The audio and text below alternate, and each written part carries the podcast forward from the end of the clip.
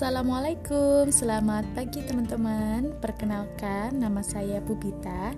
Insya Allah nanti saya yang akan mengampu mata kuliah dasar-dasar ekonomi manajemen Dari minggu ketiga sampai minggu ketujuh. Nah, hari ini kita akan diskusi tentang penyusunan perencanaan. Jadi ini adalah e, materi yang sebenarnya itu kita lakukan setiap hari ya. Jadi sejak kita bangun tidur sampai kita mau tidur lagi hidup kita tuh tidak terlepas dari perencanaan. Nah, e, seperti hari ini aja, misalkan e, kita pasti udah merencanakan nih kita mau ngapain aja. Kita mau ada kuliah dasar-dasar ekonomi manajemen, mungkin kita ada mata kuliah lain, atau mungkin kita hari ini mau bantu orang tua, mau pergi ke suatu tempat. Nah, itu semuanya kita sudah merencanakan dalam otak kita.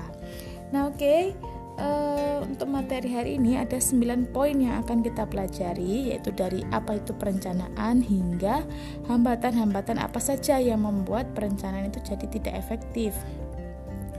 Nah, sebenarnya apa itu perencanaan? Jadi, perencanaan ini adalah suatu proses di mana manajemen memutuskan tujuan dan cara untuk mencapainya. Jadi, di sini ada dua yang harus diputuskan yaitu tujuan kita merencanakan dan cara mencapainya itu seperti apa. Nah, kenapa sih sebuah organisasi atau sebuah perusahaan itu perlu perencanaan?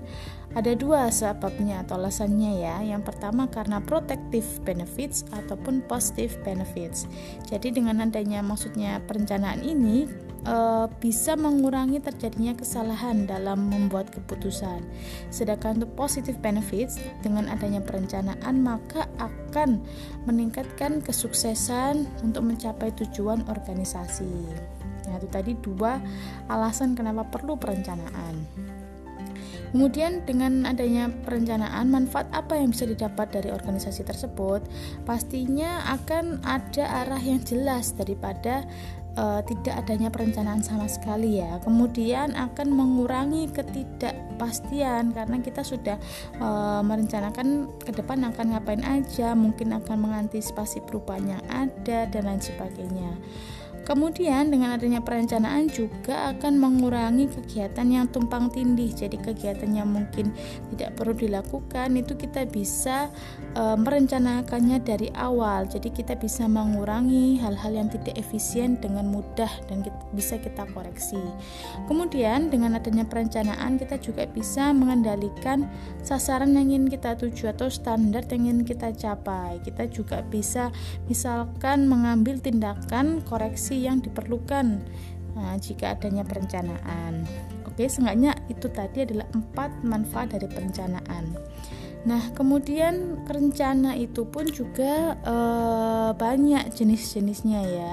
Bisa diklasifikasikan menjadi beberapa uh, jenis gitu. Yang pertama kalau misalkan bidang fungsional, ada kita merencanakan di bidang produksi, merencanakan bidang keuangan, pemasaran, kemudian di bidang organisasi, bisa satu organisasi itu rencana untuk satu organisasi atau hanya untuk satuan-satuan kerja. Kemudian dari karakteristiknya itu ada yang rencana yang sifatnya itu kompleks kompleks ataupun dia sifatnya itu rahasia, sifatnya kuantitatif atau kualitatif. Nah, gitu.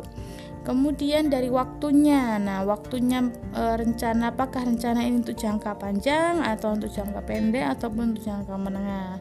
Nah, kemudian dari segi unsur rencananya, ada rencana yang berupa misalkan rencana anggaran, kemudian rencana program, rencana prosedur, dan rencana kebijakan. Nah, mungkin teman-teman paling mudahnya ya buat teman-teman yang berorganisasi baik di HM maupun di BEM gitu ya. Pasti setiap kita mau melakukan program kerja gitu ya, pasti teman-teman itu ada rapat, ya kan ada membuat forum, kemudian membuat proposal, kemudian kita menganggarkan berapa sih budgetnya kira-kira untuk menyelenggarakan acara ini. Nah itu sebenarnya adalah cara-caranya teman melakukan perencanaan. Nah jadi sebenarnya teman-teman sendiri sudah melakukan hal ini ya.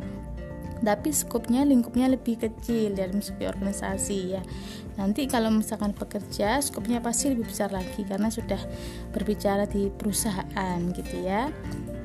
Oke, kemudian di tipe-tipe perencanaan dan rencana, jadi uh, dalam prakteknya perencanaan ini dapat mengambil berbagai bentuk atau tipe yang berbeda. Jadi uh, kalau tipe organisasinya itu beda, pasti dia juga beda visi misinya, perencanaannya juga beda.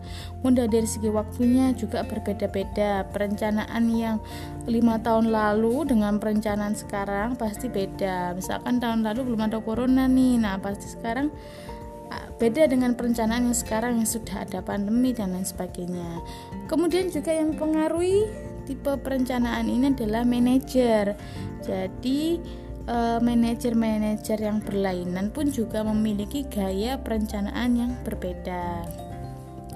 Nah, kemudian tahap-tahap perencanaan itu setidaknya ada empat ya, empat langkah utama. Yang pertama kita menentukan tujuan atau serangkaian tujuan, kemudian merumuskan kondisi saat ini. Nah ini penting juga ya teman-teman. Makanya kenapa perencanaan itu bisa berbeda antara tiap waktu karena kondisi yang dihadapi saat ini tuh tidak sama ya kan kemudian mengidentifikasi segala kemudahan dan hambatan jadi kalau misalkan kita mau menjalankan rencana ini kemudahannya apa hambatannya apa. Nah gitu ya.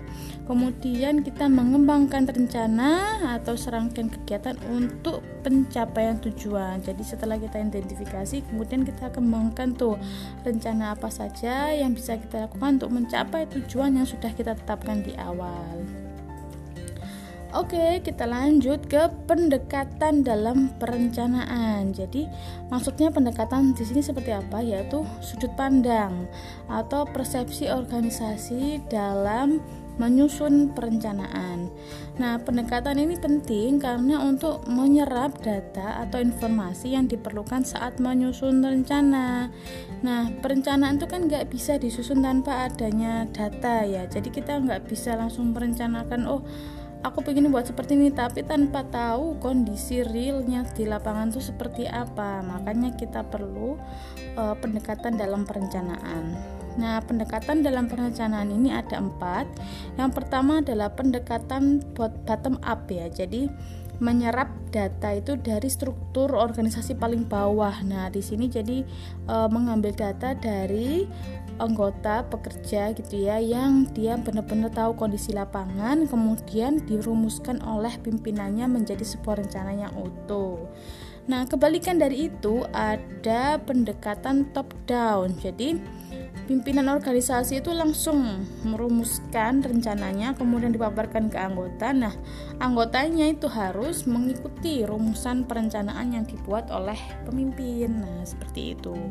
Kemudian juga ada interaktif. Jadi interaktif di sini itu antara pimpinan dan anggota duduk dalam satu forum gitu ya. Kemudian membahas rinci perencanaan apa sih yang harus diterapkan. Nah ini sebenarnya lebih bagus ya karena adanya feedback dari pimpinan maupun bawahan nah kemudian juga ada pendekatan satu lagi namanya dual level approach. Jadi masing-masing pimpinan dan anggota itu sudah membawa rencana mereka masing-masing kemudian didiskusikan dan disatukan menjadi satu rencana yang utuh. Nah ini juga pendekatan yang cukup bagus gitu ya. Jadi yang mungkin kurang bagus di sini adalah top down ya. Jadi pemimpin itu dia langsung merumuskan. Tapi tidak semua hal tidak semua hal perencanaan top down itu dia kurang bagus ya. Ada mungkin beberapa rencana yang memang hanya bisa ditentukan oleh pimpinan ya. Tanpa pimpinan itu perlu uh, melihat mengumpulkan data seperti itu. Nah kriteria penilaian gimana sih caranya menilai bahwa rencana kita itu berjalan dengan efektif? Nah yang pertama itu dari segi kegunaan. Nah kemudian dari ketepatan dan objektivitas apakah rencana kita itu sudah e, akurat gitu ya. Kemudian dari ruang lingkupnya nah kemudian dari efektivitas biaya nah pasti ketika kita merencanakan sesuatu kan pasti ada biaya yang kita keluarkan. Apakah sudah efektif biaya yang keluar gitu ya. Kemudian ada akuntabilitas jadi maksudnya di sini adalah ada tanggung jawab atas pelaksanaan perencanaan dan tanggung jawab atas implementasi rencana tersebut. Kemudian ketepatan waktu. Nah, ini juga paling penting teman-teman kalau misalkan kayak di manajemen proyek gitu ya, itu sangat mereka berkompetisi dengan waktu. Gak boleh sampai proyeknya tuh molor dan sebagainya. Nah, ketepatan waktu di sini juga salah satu kriteria penting dalam menilai rencana itu terefektif atau tidak, nah, berjalan efektif atau tidak. Nah, kemudian hambatan apa saja sih yang membuat perencanaan itu tidak efektif? Nah, pertama, biasanya adanya penolakan internal dari para perencana terhadap penetapan tujuan dan pembuatan rencana untuk mencapainya. Kemudian ada juga penolakannya itu di luar perencana yang mereka tidak bisa menerima perencanaan tersebut karena adanya beberapa perubahan. Ataupun faktor-faktor lain di luar organisasi ya misalkan tiba-tiba ada contohnya kayak sekarang tiba-tiba ada pandemi seperti ini. Mungkin beberapa organisasi sudah merencanakan akan melakukan pemasaran akan melakukan produksi dan lain sebagainya. Kemudian pandemi datang dan itu otomatis akan mengubah semua arah perencanaan yang sudah mereka buat Oke, sekian dulu teman-teman untuk materi minggu ini. Mungkin jika ada yang tanyakan bisa kita lanjutkan di grup WhatsApp. Semoga bermanfaat. Wassalamualaikum warahmatullahi wabarakatuh.